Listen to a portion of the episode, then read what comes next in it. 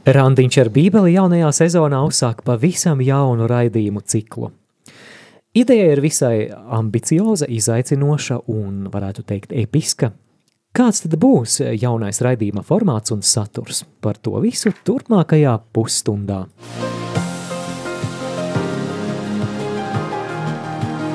Randiņš ar bībeli. Studijā Māris un Olga Veliki.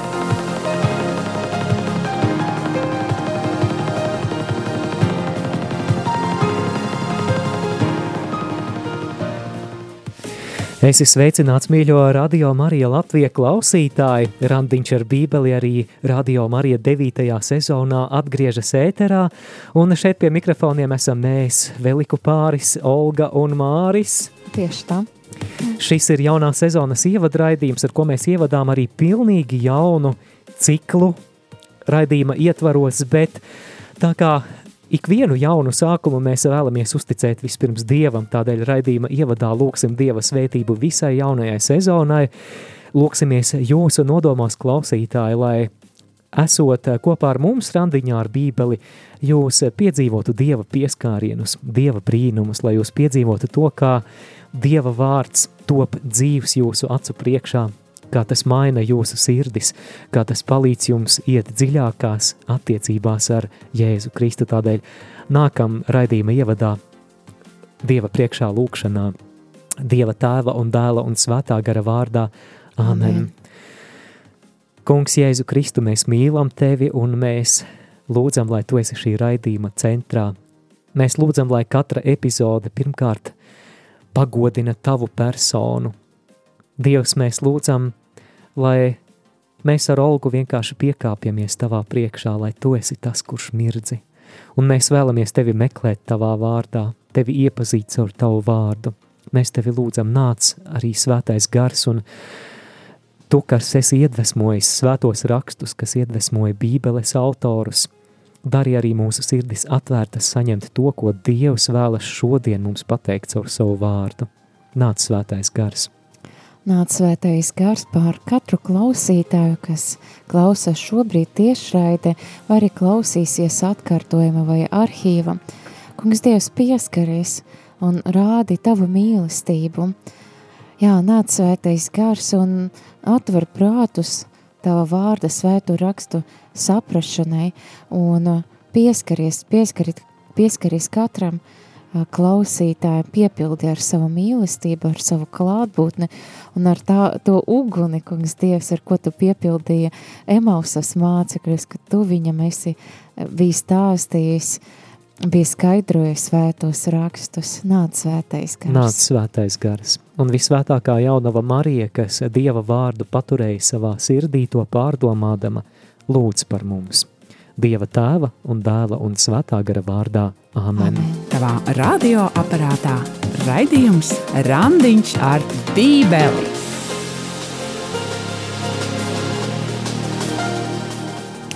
Jā, mēs uh, uzsakam uh, randiņu ar Bībeli jaunajā sezona, bet uh, gribam pateikties arī katram ziedotājiem, jo pateicoties jums arī šīs raidījums pastāv, mēs esam spējīgi to nodot tālāk gan soc tīklos, gan arī FM skanējumu, tāpēc sirsnīgi pateicamies un lūdzamies arī par katru ziedotāju.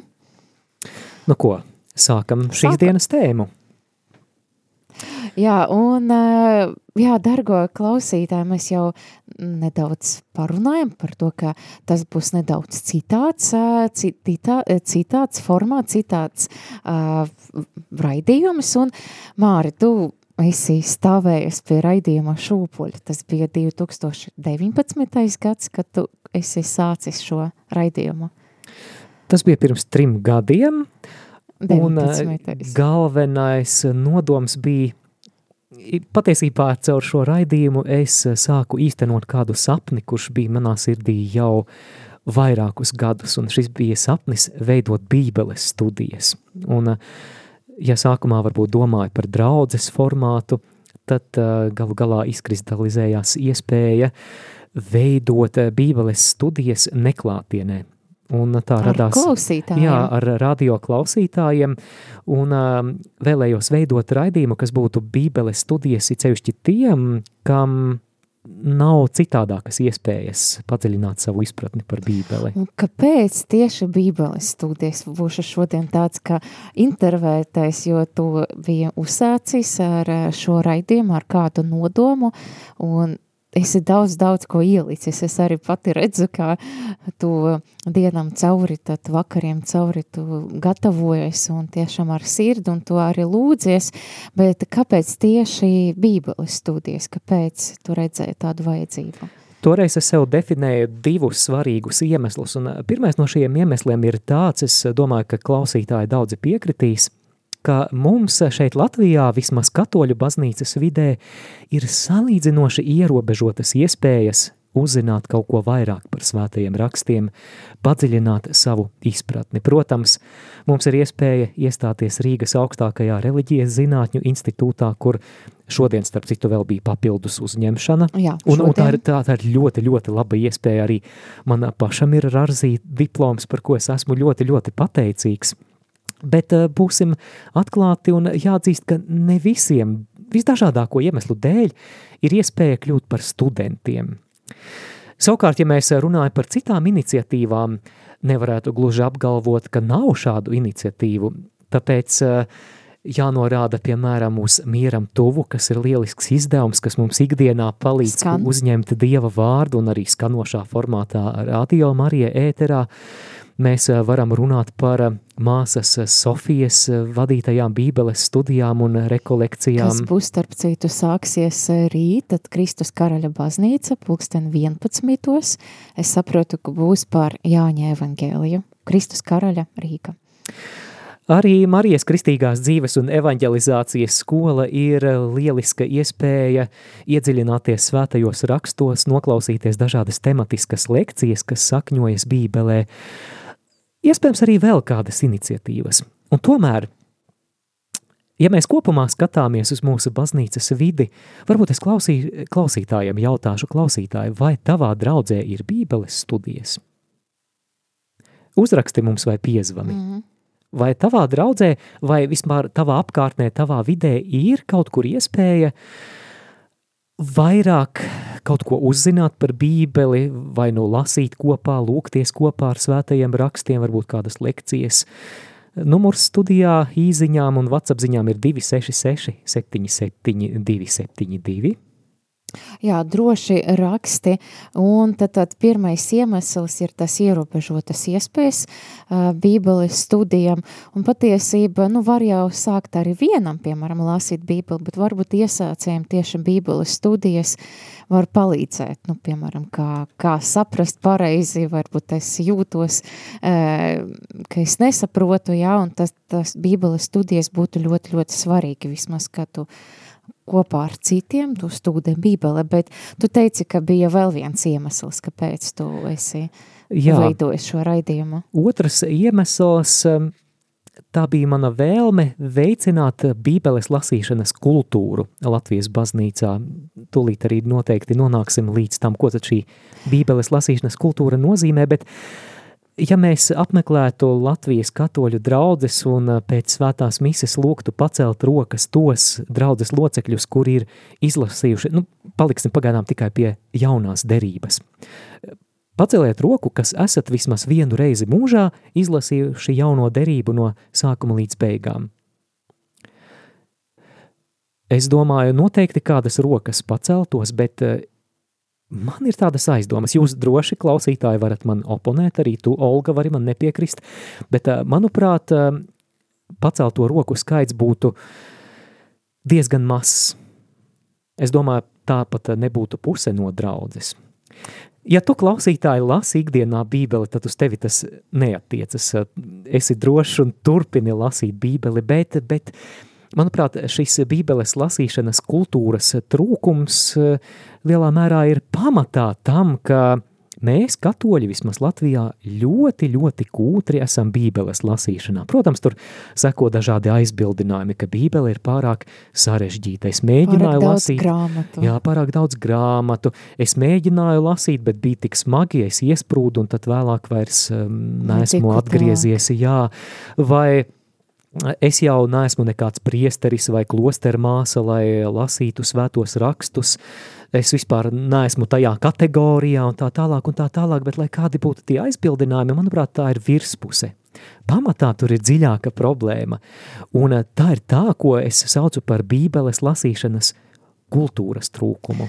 Un tas ir ļoti dīvaini, jo katoļu baznīca ir eh, tāds dziļa, dziļš mantojums, bagāts mantojums ar uh, bībeles lasīšanas veidiem, ar veidiem, kā lūgties ar svētiem rakstiem, gan lekciju divīna, gan arī citi veidi, tur ignācīskais garīgums un tā tālāk, bet ko tu Jā, bet mēs esam tomēr eh, kā kūtri lasīt bībeli, kā tu esi pateicis, bet uh, kas raksturo tad bībeles lasīšanas kultūru?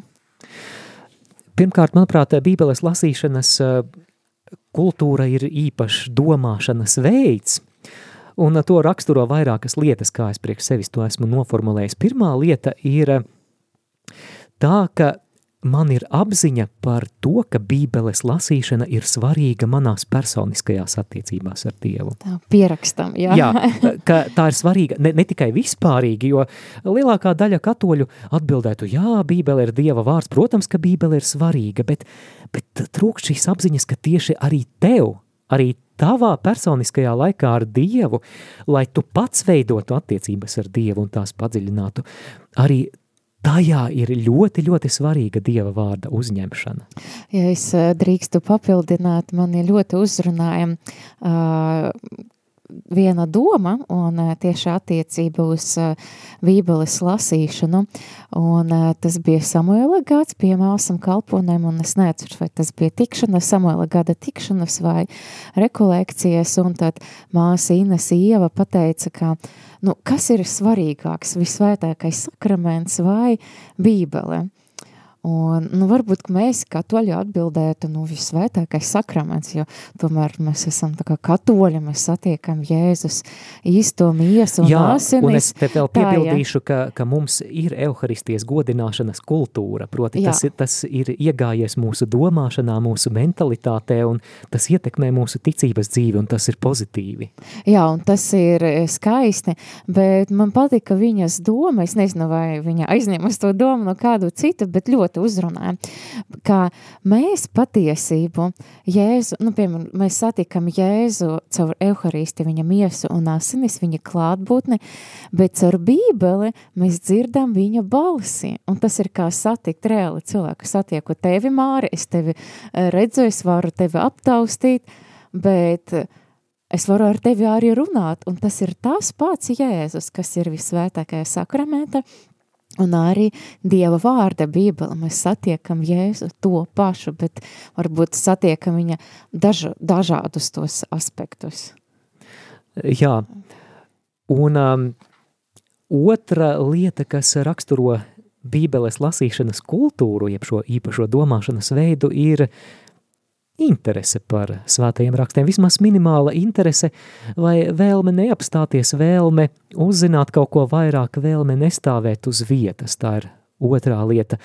Trešā lieta ir arī prasme lasīt bībeli, vismaz elementāras iemaņas, ko darīt tad, kad tev bībeli ir, kad tu vēlies bībeli atšķirt un lasīt, ka tev nav tā sajūta, ka hmm, manā rokā ir šī mistiskā sarežģītā grāmata, un es pat īsti nezinu, ko ar viņu darīt. Kā lasīt, no kura gala sākt, ko darīt, kā pārdomāt vārdu, ko es dzirdēju. Tātad tā bībeles lasīšanas kultūru raksturo tas, ka ticīgajiem ir vismaz eh, elementāras iemaņas, ka bībele viņiem nav sveša, ka viņi zina, kā lasīt bībeli, ka viņi zina, kā bībeli pārdomāt. Un, un ceturtā lieta ir arī uh, tas, ka bībeles lasīšana ir iegājusies mūsu garīgās dzīves rutīnā, ja tā, varā, tā varētu teikt, ja mēs varētu runāt par bībeles lasīšanas disciplīnu vai pat struktūru mūsu dzīvē.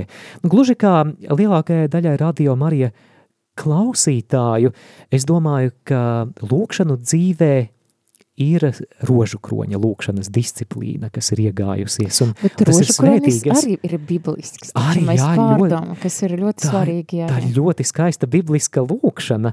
Ir sevišķi tad, ja mēs atļaujamies meditācijas arī pārdomāt un apzināties, ka tās sakņojas svētajos rakstos, bet arī es ikdienā cenšos eh, lūgties rožu kroņa lūkšanu, tātad eh, arī bībeles lasīšana var kļūt par daļu par neatņemamu daļu no mūsu attiecībām ar Dievu, no mūsu garīgās dzīves, ka mēs pat savu garīgo dzīvi nespējam iztēloties, kā tas būtu, ja mums nebūtu Dieva vārds pieejams. Mm. Tātad eh, šīs četras lietas raksturo Bībeles lasīšanas kultūru, un visos šajos četros punktos es redzu diezgan lielu iztrūkumu vismaz Latvijas baznīcas vidē, un mm, es jūtu aicinājumu savā sirdī un, un vēlmi darīt vismaz to mazumiņu, kas ir iespējams no manas puses, lai šo bībeles lasīšanas kultūru veicinātu, lai iedrošinātu klausītājus lasīt bībeli, lai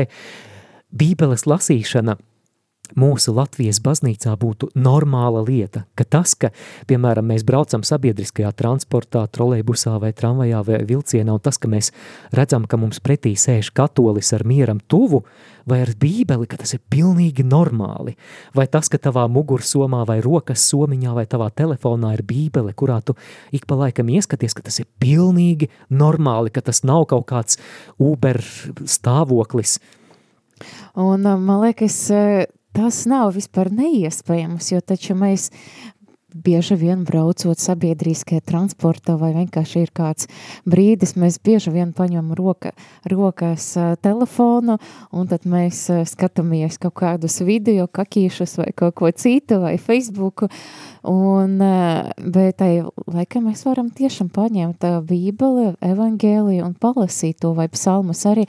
Uz to es atceros arī aicinājumu uz pāvests, arī bieži lasīt bībeli, bieži pārskatīt īpaši evangēlijus. Tad eh, vienmēr censties atcerēties un vienmēr tas evangēlijs ir svaigs un un atspirdzinoši arī mūsu garam, bet man liekas, Māri, tu jau to dari. Man liekas, es eh, biju dzirdējusi daudzas liecības, ka tieši Randiņš ar bībeli ir palīdzējis sākt lāsīt bībeli, un daudzi arī gaida ar bībeliem pie radioaparātiem. Mēs to varētu arī... noskaidrot, vai, vai ir kāds, kurš patiešām ir saņēmis iedvesmu lasīt bībeli pateicoties šiem raidījumiem, bet nu, tas noteikti nav mūsu nopelns. Mēs vēlamies, lai Dievs darbojas caur šo raidījumu. Un Klausītāji, jā, ko tu domā par nu pat dzirdēto, vai arī tavuprāt mēs katoļi varētu tomēr vairāk saņemties, un arī citu konfesiju kristieši. Jā, brāli, māsa no citām konfesijām, esi laipni lūgts mūsu pulciņā, mēs visi šeit vienā laivā, un visi vēlamies vairāk iepazīt Dieva vārdu, bet vai tu klausītāji piekrīti tam, ka mēs esam pārāk kūtri lasīt bībeli, un vai tavā draudzē ir pieejamas Bībeles studijas. Lūk, Judīte mums ir uzrakstījusi slavēts Kristus, lai auglīga jaunā sezona mīļie. Kādreiz gāju uz Bībeles stundām Magdalēnas draudzē, tās vadies tēla Jurgena. Ļoti patika. Sirsnībā Judīte. Paldies, šķiet, Judīte. kā Magdalēnas draudze ir Bībeles studijas ar priesteri. Jā, nu, reka, jā, nu, jā. skaisti. Un uh, skaisti, bet uh, jā, mēs uh, esam pateikuši raidījuma sākumā par to, ka nu, būs nedaudz citāds formāts, bet atgādini, kāds bija uh, formāts uh, tāds iepriekšējais, tad pagājušas trīs sezonas, pagājušas trīs gados. Ja mēs uh, studējam Mateja evangēliju, trīs gadus, iedomājamies. Trīs vienu, gadus, Vienu jā. grāmatu, un kā, kā, protams, katoļu baznīca ir vairāki, vairāki veidi, kā tu vari studēt, ja tas, ko tu piedāvāji, ko tu ieviesi, ieviesi, tas ir viens no veidiem, kā lasīt, un kāds bija jā. tas formāts? Zem mikroskopa. Jā, mīļo klausītāji, Mateja evaņģēlijā ir tikai 28 nodaļas, bet mums bija nepieciešami veseli trīs gadi, lai pakāpeniski, pantu pēc panta, lasītu šo evaņģēliju, skaidrotu šo evaņģēliju, un šajā pieejā, ko mēs izmantojām, mums bija svarīga katra sīkākā detaļa. Un, protams, mēs arī mēģinājām skatīties, kā vārds, ko mēs attiecīgajā raidījumā lasām, arī attiecas uz mūsu dzīvi, ko Dievs varētu mēģināt pateikt šodien caur šo vārdu. Tātad trīs gadi aizvadīti Mateja evaņģēlija studijās, un um, visus vairāk nekā 70 raidījumus es te mēģināju aizvakar saskaitīt arhīvā. Jā, man tur mazliet nojuka, jo bija arī dažādas Īpašas, jā, īpašās īpašas. epizodes veltītas citām tēmām, bet tie ir vairāk nekā 70 raidījumi, kas veltīti Mateja evaņģēlijam, un šī audio bibliotēka ir tavā rīcībā, klausītāji. Klausies Spotifyā, Apple podcasts, Radio Marija arhīvā vai sociālajos tīklos, arī YouTube'ā var, var atrast video ierakstus. Bet man šķiet arī, uh, nu jā, var salīdzināt viena, viens evaņģēlijs un, uh, un uh, kopumā katoļu kanonā ir 73 grāmatas un šķiet, nu, vai es varēšu, varēšu arī ar to pašu metodi ar mikroskopu lasīt arī citas grāmatas. Man, man šķiet, ka var lasīt arī pēc līdzīgas pieejas, tad uh, ejot pantu pēc pantam, arī mēģināt saprast, eh, kā tas attiecas uz manu dzīvi, tad uh, lasīt arī visas pareizas grāmatas, tāpat pēc tās pašas metodes. Jā, patiešām eh, Bībeles studiju viens no ieguvumiem ir tas, ka mēs, ja tā var teikt, saņemam savā rīcībā instrumentus, pēdiņās instrumentus, kas mums pašiem palīdz strādāt ar Dieva vārdu. Pat ja mēs studējām Mateja evaņģēliju, tad to pieeju, kuru tu dzirdēji raidījumos, tu vari pats izmantot, lasot jebkuru citu bībeles grāmatu. Bet mēs esam diezgan daudz norunājuši, laiks pārdomāt dzirdē, dzirdēto un noklausīsimies kādu dziesmu, tā kā augusta sākumā bija pasaules jauniešu dienas, uh, vēl atmiņas ir svaigas un karstas, noklausīsimies pasaules jauniešu dienu himnu latviešu valodā un drīz būsim atpakaļ ēterā.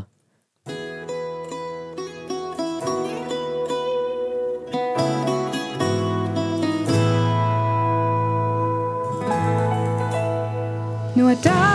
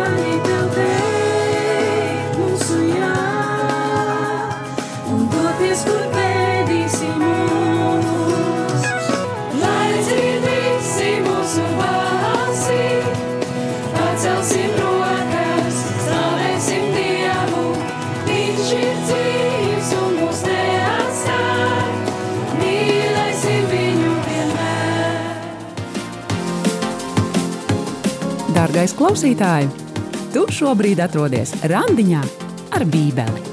Studijā Māris un Olga Veliki.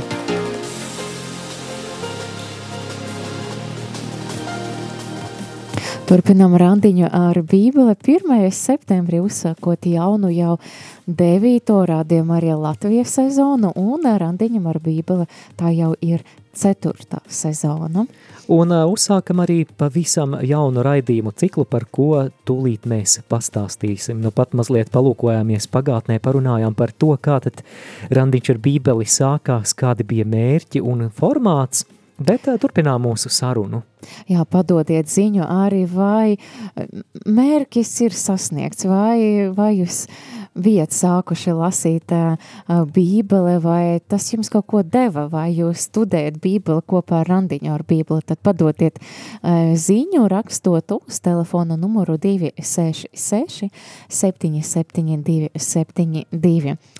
Un jebkurā brīdī jūs varat mūs pārtraukt arī, ja jums kāds komentārs vai jautājums arī droši zvaniet jebkurā mirklī. 679 69 131 ēters ir pilnīgi jūsu rīcībā, mēs ar Olgu esam jūsu rīcībā.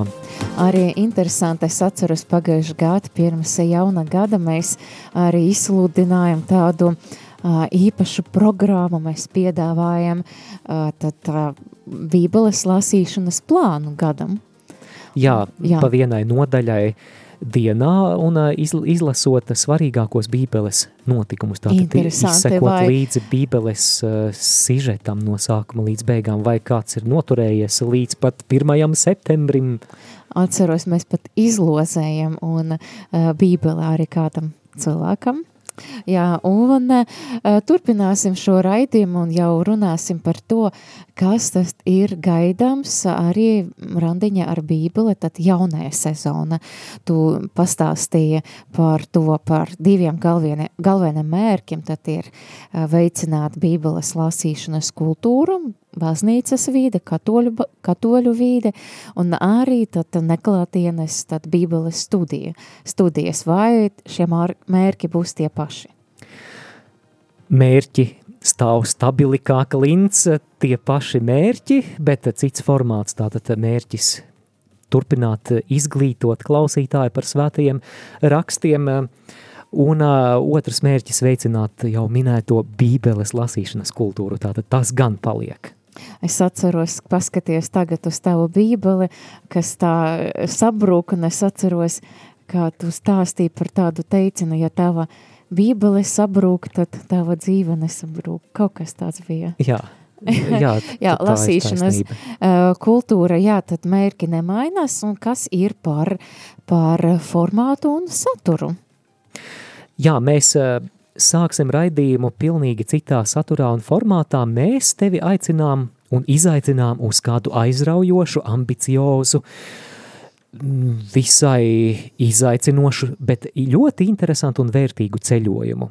Un tas būs ceļojums raidījumā Randiņš ar bībeli cauri visai bībelē, no vāka līdz vākam, tātad no pirmās bībeles grāmatas, kas ir radīšanas grāmata līdz, ja Dievs dos pēdējai grāmatai, Jāņa atklāsmes grāmatai. Tātad, no, izklausās aizraujoši. Ja mēs Mateju studējam tad trīs gadus, tad mēs mēģināsim izstudēt visas grāmatas, vai tas būs arī tā sīki un detalizēti? Nē, šoreiz pieeja būs cita. Ja Mateja evaņģēlijas studijās mēs līdzina, līdzinājāmies pētniekiem, kas savu pētāmo objektu liek zem mikroskopa, tad Tagad mēs aicinām pacelties putna lidojumā virs bībeles plašumiem, virs bībeles panorāmas, un starp citu šo jauno ciklu randiņā ar bībeli mēs mierīgi varētu nosaukt par bībeles panorāmu. Tātad uz bībeles grāmatām, kas katoļu kanonā ir 73 grāmatas, mēs palūkosimies kā no putna lidojuma.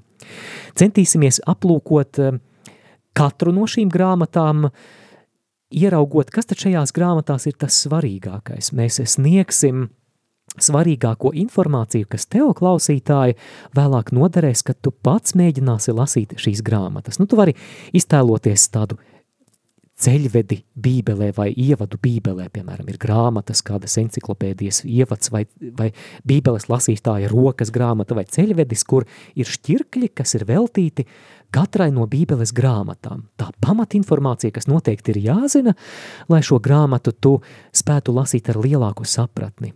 Kaut ko tādu mēs piedāvājam šoreiz randiņā ar bībeli tikai skanošā formātā.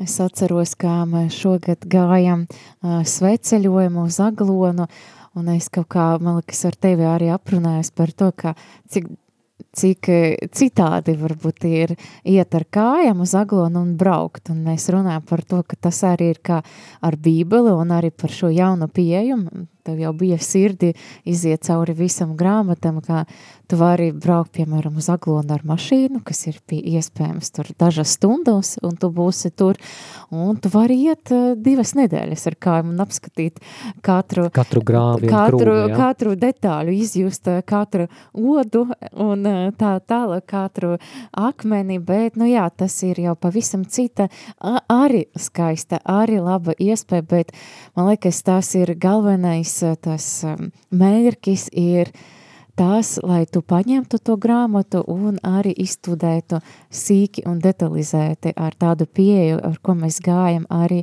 lasot Mateja evangēlu, lai tev jau tās priekšzināšanas, lai tev ir tā mugursoma, jā, aizmugur mēs jau sagatavojam, aprīkojam tevi, kas ir tas galvenais, bet lai tu paņemtu to grāmatu un lai tu nenobītos, piemēram, tur tāda nosaukuma skaitļu grāmatu, nu liekas, nu kas tur varētu būt, jā, bet lai tu paklausoties varbūt šo raidījumu jau esi ekipēts un pats paņem to grāmatu un izlasi.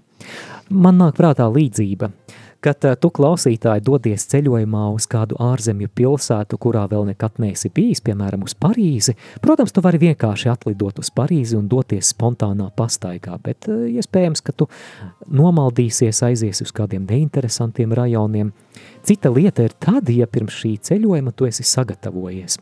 Ja internetā vai lasot ceļvedi, tu esi iepazinies ar to, kas tad Parīzē ir aplūkojams, kas ir svarīgākās vietas, ko Parīzē apmeklēt, kā nokļūt līdz Luvrai, kā nokļūt līdz Parīzes Dievmātes katedrālē vai Monmartrai vai Eifeļa tornim, tu vari pats sev norganizēt daudz saturīgāku un pamatīgāku ekskursiju pārgājienu pa Parīzi.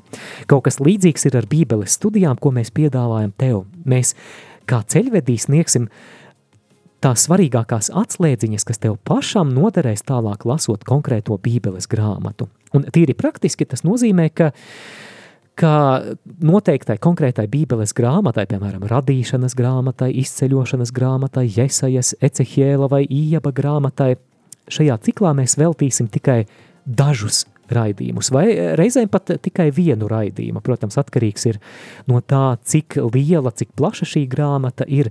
Tātad tas nebūs uh, tas lēnais gliemeža gājiens, gluži kā caur Mateja evaņģēliem, cauri Mateja evaņģēliem mēs gājām, bet uh, tad divos, trijos vai pat vienā raidījumā mēs aplūkosim vienu grāmatu, bet sniegsim to pašu, pašu svarīgāko, kas šīs grāmatas lasīšanu tev klausītāji darīs citādāku. Un um, jā, runājot par to, kā, kā tas tehniski būs iespējams, tad kādas varētu teikt tās rubrikas būs? Es sapratu, būs tāds grāmatas pārstāsts. Jā, pirmā lieta noteikti ir nepieciešams grāmatas satura pārstāsts. Centīsimies īsi, kodolīgi, bet aizraujoši un vienkāršā valodā apmēram piecās minūtēs pārstāstīt, par ko tad šī grāmata mums vēstīja kādi ir šīs grāmatas galvenie notikumi vai galvenās idejas. Un tas, manuprāt, ir ļoti svarīgi tādēļ, ka kopumā mums, kā jau minēju, ir diezgan, diezgan skopas zināšanas par bībeles grāmatām. Arī tu minēji, ka, piemēram, ja dzirdam kādu grāmatas nosaukumu, tu minēji skaitļa grāmatu, Nu, kurš, kurš eh, zina, par ko ir skaitļu grāmata? Atkārtota likuma grāmata. Jā, atkārtotā likuma grāmata. Nu, tur par ko tā ir? Par kaut kā mm -hmm. atkārtotu likumu. Jā, tad noteikti raidījuma ievadā mēs sniegsim ieskatu svarīgākajā šīs grāmatas saturā. Jā, tas būtu ļoti, ļoti noderīgi, kā ja tu jau minēji, bet uh, piecas minūtes tā, tā šīs būs, un pēc tam kāds būs. Pēc satura pārstāsta raidījumā mēs iezīmēsim konkrētās grāmatas galvenās teoloģiskās domas. Jo, ja tu zini, kas ir galvenās idejas un ticības patiesības konkrētajā bībeles grāmatā, tu daudz vieglāk lasot šo grāmatu spēji atšķirt, kas tad šeit ir būtiskākais un kas ir mazāk būtisks. Tātad galvenās teoloģiskās idejas.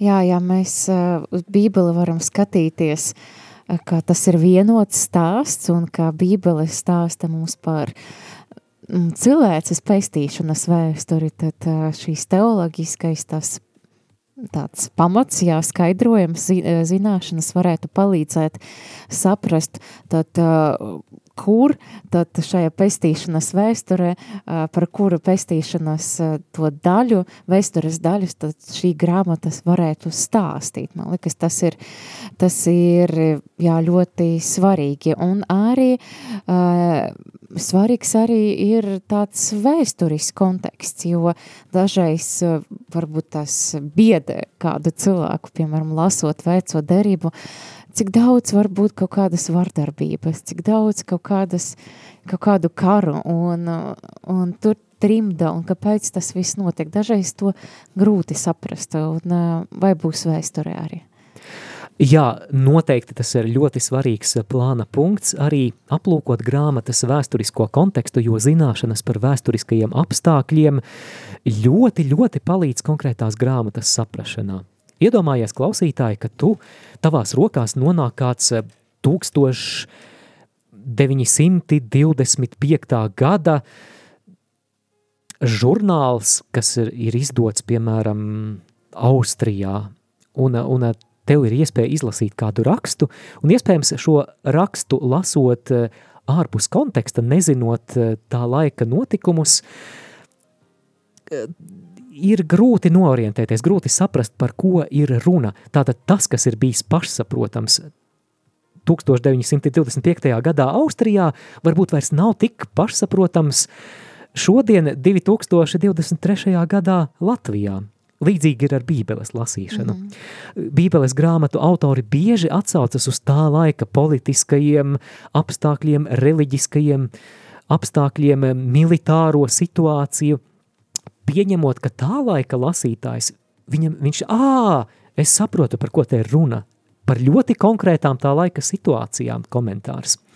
Taču mums, kas lasām šos tekstus pēc vairākiem tūkstošiem gadu, ir nepieciešamas priekšzināšanas, lai mēs saprastu, kas tad vēsturiski šajā laikā norisinājās. Nu, piemēram, ja mēs lasām pravieša Jeremija grāmatu, tad mums ļoti, ļoti var palīdz, palīdzēt priekšzināšanas par to, ka pravietis Jeremijs raksta situācijā, tas ir sastais gadsimts pirms Kristus, kad uh, Jeruzalemei draudēja uzbrukums no babiloniešiem.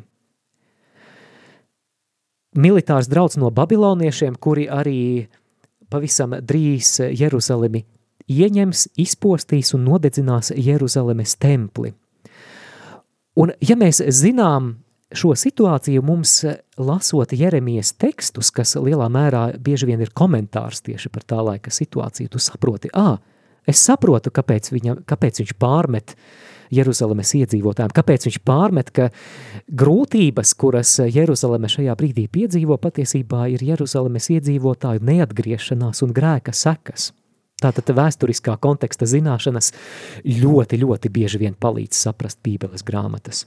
Jā, es arī to pašu iedomājos, jo pati lasot veco derību, man liekas, vēsturiskas grāmatas vēl tā vieglāk lasīt, un kad sākas pravieši, tad pravieši bieži vien arī uh, bija tā, to notikumu tā liecinieki, un viņi tieši par šiem notikumiem arī uh, tā kā rakstie var tā teikt, tad dieva tautē no, no dieva puses, jā, tad bija tie pravietojumi, un dažreiz, jā, ā, nu skaidrs, tad šis pravietis bija tam vēsturiskam notikumam, šis pravietis tam, jo tad viņa rakstā tā kā no no divam pusēm par vienu to pašu. Jā, tad viena grāmata ir par vēsturisku pusi, viena grāmata ir par to pravietisko pusi, un to arī svarīgi to kontekstu saprast, jā, un kāpēc ir tādi drūmi pravieši un ir tādi, var tā teikt, cerīgāki pravieši.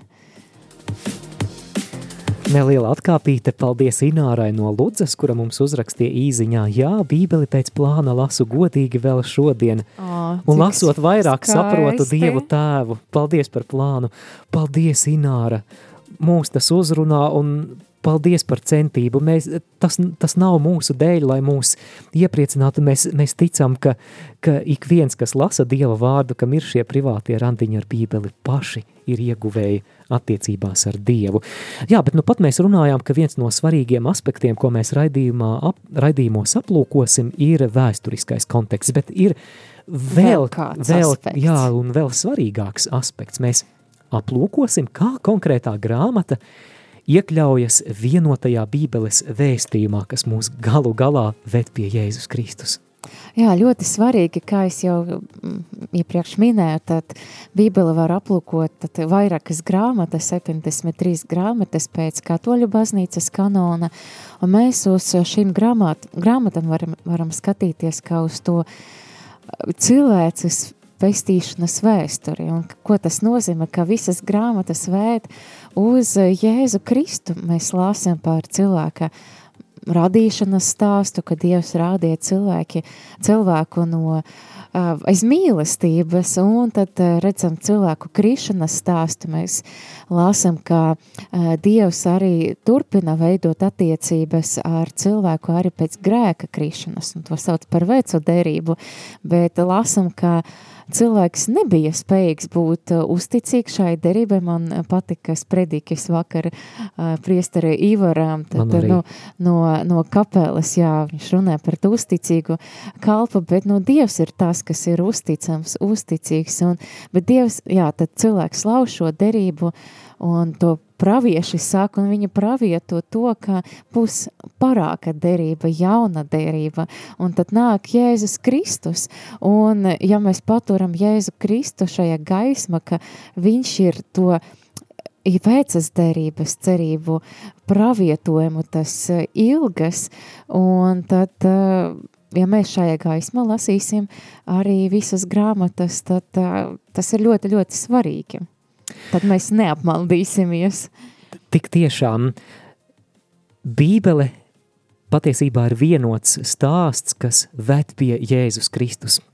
Bībele aptver 73 ļoti dažādas grāmatas pēc satura, pēc formas, pēc izmēra, grāmatas, kas savstarpēji var būt ļoti, ļoti atšķirīgos žanros uzrakstītas. Piemēram, vecajā derībā, ko mēs sāksim studēt, ir gan uh, pentateiks, jeb piecas mūzus grāmatas, tad ir gudrības literatūra, tā skaitā psalmi, ieba grāmata, sakām vārdu grāmata. Vecajā derībā ir vēsturiskās grāmatas, piemēram, pirmā un otrā Samuēla grāmata, ķēniņu grāmatas, Vecajā derībā ir pravietiskā literatūra, praviešu grāmatas, ļoti atšķirīgi žanri, taču mēs varētu iztēloties, ka visas šīs bībeles grāmatas ir kā mozaīkas gabaliņi, kuri kā mēs redzēsim raidījumā, tik skaisti saslēdzas kopā un veido vienotu bildi, kuras centrā ir Jēzus Kristus. Un uh, lasot uh, un studējot šīs bībeles grāmatas, mēs noteikti centīsimies vienmēr paturēt prātā un paskatīties, kā tad konkrētā grāmata mums norāda uz Kristu, kā tā iekļaujas kopējā pestīšanas stāstā. Jā, tas būtu ļoti svarīgi tiešām, lai mēs uh, būtu droši lasīt arī visas šīs grāmatas, jo var, varbūt dažreiz arī neiesaka varbūt sākt no vecas derības lasīt, un mēs ja mēs izgājam cauri Mateja evangēlijam un šī, šīs epizodes ir pieejamas arhīva, tad mēs varam arī šajā gaismā arī jums dot tādu iedvesmu, sāk lasīt tās eh, vecas derības grāmatas. Un mēs būsim realisti, ja viena, viena, viens Mateja evangēlijs paņema trīs gadus, tad noteikti arī šajā ceturtajā randiņā ar bībeles sezona mēs gan jau neiziesim cauri visam visai vecai derībai. Un Jā, noteikti. Es domāju, ka arī pat būs- nākamajā turpināsim vēl. Šī sezona būs veltīta tad eh, vecajai derībai, bet Māri varbūt eh, dažos vārdus tu vari pateikt, kāpēc ir vērts eh, lasīt veco derību. Mēs jau runājam par to, jā, ka uh, mēs varam lasīt to, kā uh, caur Jēzus Kristus gaismu, bet uh, ko tu vēl varētu pateikt, kāpēc vērts lasīt to? Mm, Manuprāt, ir vairāki iemesli. Protams, varētu ļoti virspusēji šķist, ka, ai, nu mums taču ir jaunā derība, nost ar veco derību. Nē, baznīca tā nemāca un nekad nav mācījusi. Patiesībā otrajā gadsimtā pēc Kristus pat bija kāda herēze, ko sauca par marcionismu, kas uzskatīja, ka tagad ir jaunā derība un ka tā atceļ veco derību. Baznīca šo mācību nosodīja kā herēzi. Arī baznīcas tēvi pret to rakstīja. Nē, baznīca vienmēr ir mācījusi, ka, un eh, es eh, citēšu no katoliskās baznīcas katehisma, ka eh, 121. paragrāfs. Vecā derība ir neatņemama svēto rakstu sastāvdaļa. Tās grāmatas ir dievišķi iedvesmotas, un tām ir nepārējoša vērtība, jo vecā derība nekad nav tikusi atcelta. Un tad nākamajā paragrāfā, 122. paragrāfā katehismā lasām, kristieši godina veco derību kā patiesu dieva vārdu. Lūk, tātad pirmais iemesls ir, ka vecās derības svētie raksti arī šodien ir ļoti, ļoti aktuāls Dieva vārds. Un tas nozīmē arī, ka de, vecajā derībā arī šodien ir tik daudz bagātību, ko smelties.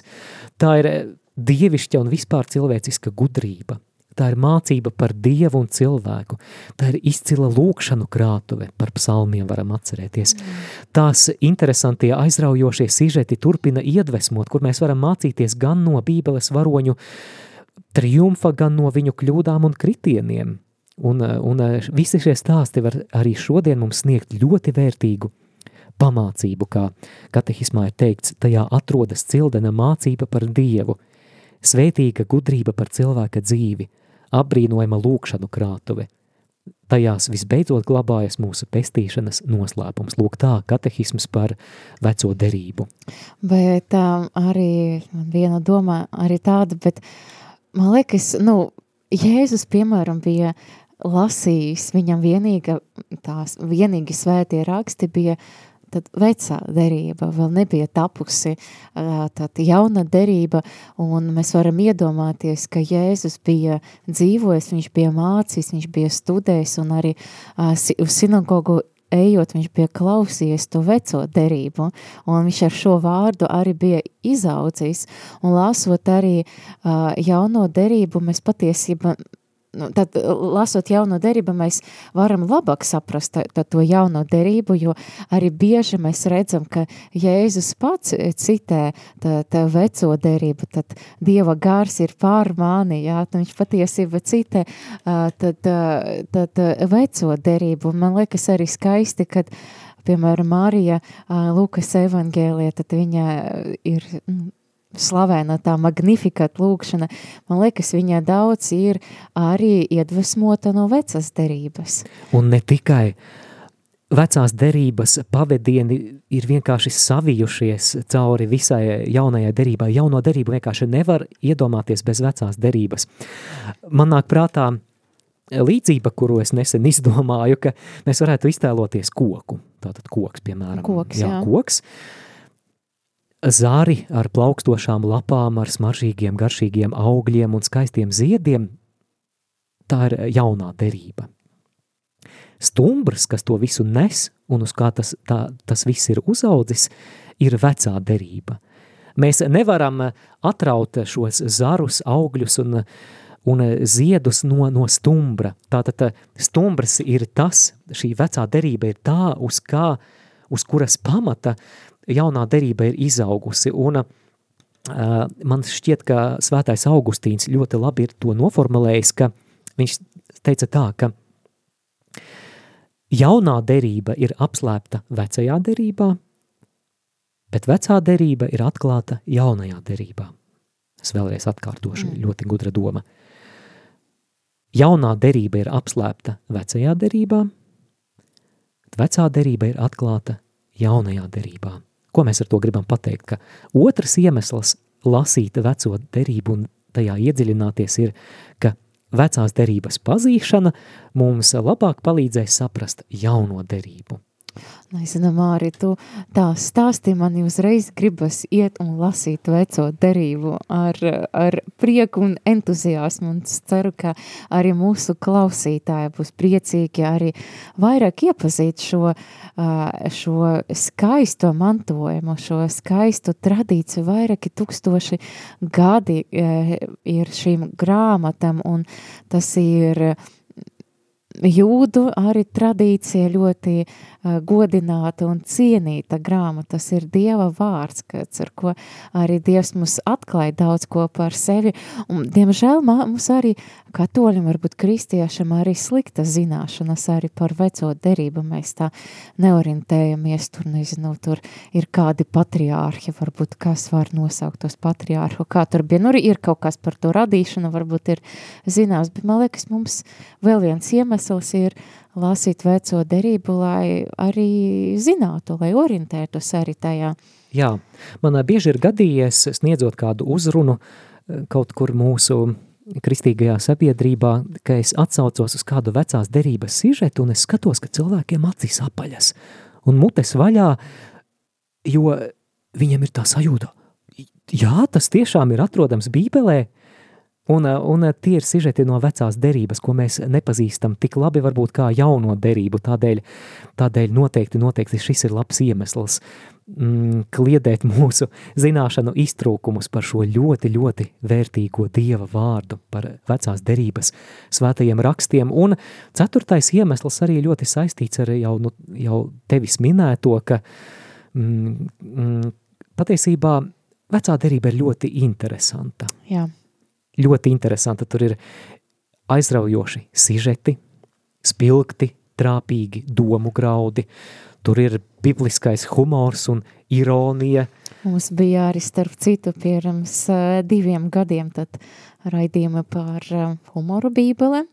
Tieši tā. Par un... veco derību arī bija ļoti daudz kas. Un turklāt, ja tev vēlāk lasot savos personiskajos randiņos būs tās priekšzināšanas, kuras būs ieguvis pateicoties randiņa ar bībeli, jaunā cikla klausīšanai, tad tas palīdzēs tev arī vecās derības grāmatas ieraudzīt kā daudz interesantākas nekā tu spēji iedomāties. Tad, kad tu zini šo vēsturisko kontekstu, kad, kad tev jau iepriekš ir, ir dotas galvenās atslēdziņas, kas palīdz šo tekstu atslēgt, tad, tad tie ir tādi aizraujoši dziļumi. Vecā derība ir ļoti, ļoti, ļoti skaista literatūra. Jā, un arī skaisti tas, ka, protams, bija tie pravietojumi par, par Jēzu, par Mesiju, par pestītāju, bet arī tas, ka, nu, man bieži vien lasot veco derību škita un škiet, jā, ka uh, lasot kaut kādus notikumus, es ieraugu uh, jaunai derībai kaut kādus līdzīgus notikumus un šķiet, ka Dievs tā izveidojas to vēsturi, bībeles vēsturi tādu, ka tā atkārtojas tikai jau uh, jaunai derība, piemēram, Mūzus, jā, kas izvērt no verdzības, tātad uh, ebrējus un līdzīgi, ka Jēzus mūs izvērt no grēka verdzības, jā, par, jā.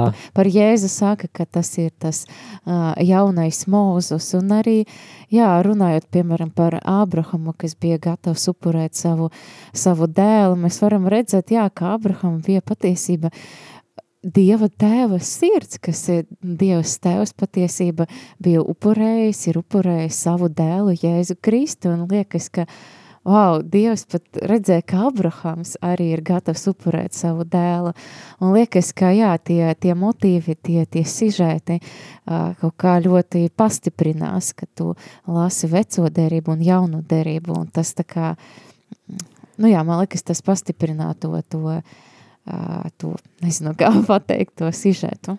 Jā, un tas parāda, kā vecās derības un jaunās derības sižeti saslēdzas ļoti skaistā simfonijā. Un tas, ko tu nu pat minēji, tas ir veids, kā baznīca svētos rakstus ir skaidrojusi gadu simteņiem. Agrīnie baznīcas tēvi, vēlākie kristīgie autori ir, ir saskatījuši vecās derības notikumos, varoņos, tēlos, priekštēlu tam, kas citā kvalitātē piepildīsies jaunajā derībā, un šo bībeles skaidrošanas veidu sauc par tipoloģiju. Tas ir no grieķu vārda tipos, jeb tēls vai pirmtēls. Apustulis Pāvils vēstulē romiešiem, ja nemaldos piektajā nodaļā, runā par to, ka Ādams ir tipos eh, kristum.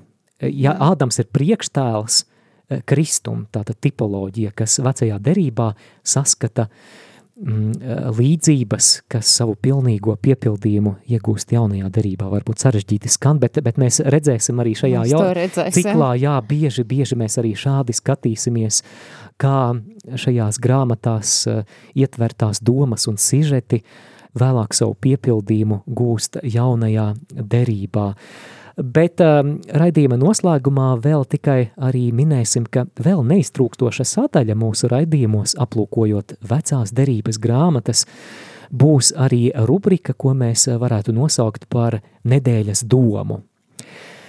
Ja sekoja līdzi randiņam ar bībeli iepriekšējās trīs sezonās, tad te jau vai neatņemama sastāvdaļa no mūsu Mateja evaņģēlijas studijām bija rubrika Kā dzirdētājs vārds attiecas uz mūsu dzīvi.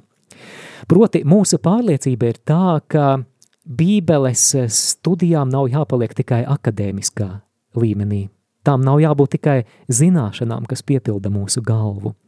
Ka pirmkārt mūsu uzdevums gan studējot eh, šīs svēto rakstu grāmatas, gan arī savos personiskajos randiņos ar bībeli lasot Dieva vārdu, ir ieraudzīt, kā šis Dieva vārds attiecas uz tevi tieši šodien, ko Dievs šodien caur šo vārdu grib pateikt. Jo tas ir pārdabisks vārds, tas ir Dieva iedvesmots vārds, tas ir svēts vārds, mēs pat par to neaizdomājamies īstenībā. Mēs, nu, bībele, bībele, jā, tā ir pieejama, bet, bet patiesībā mums ar svētām trīsām ir jāpieiet šim vārdam. Tas ir pārdabisks vārds, kurš var mainīt tavu dzīvi, kurš var tev sniegt to vārdu, kas, ko Dievs tev grib pateikt šodien.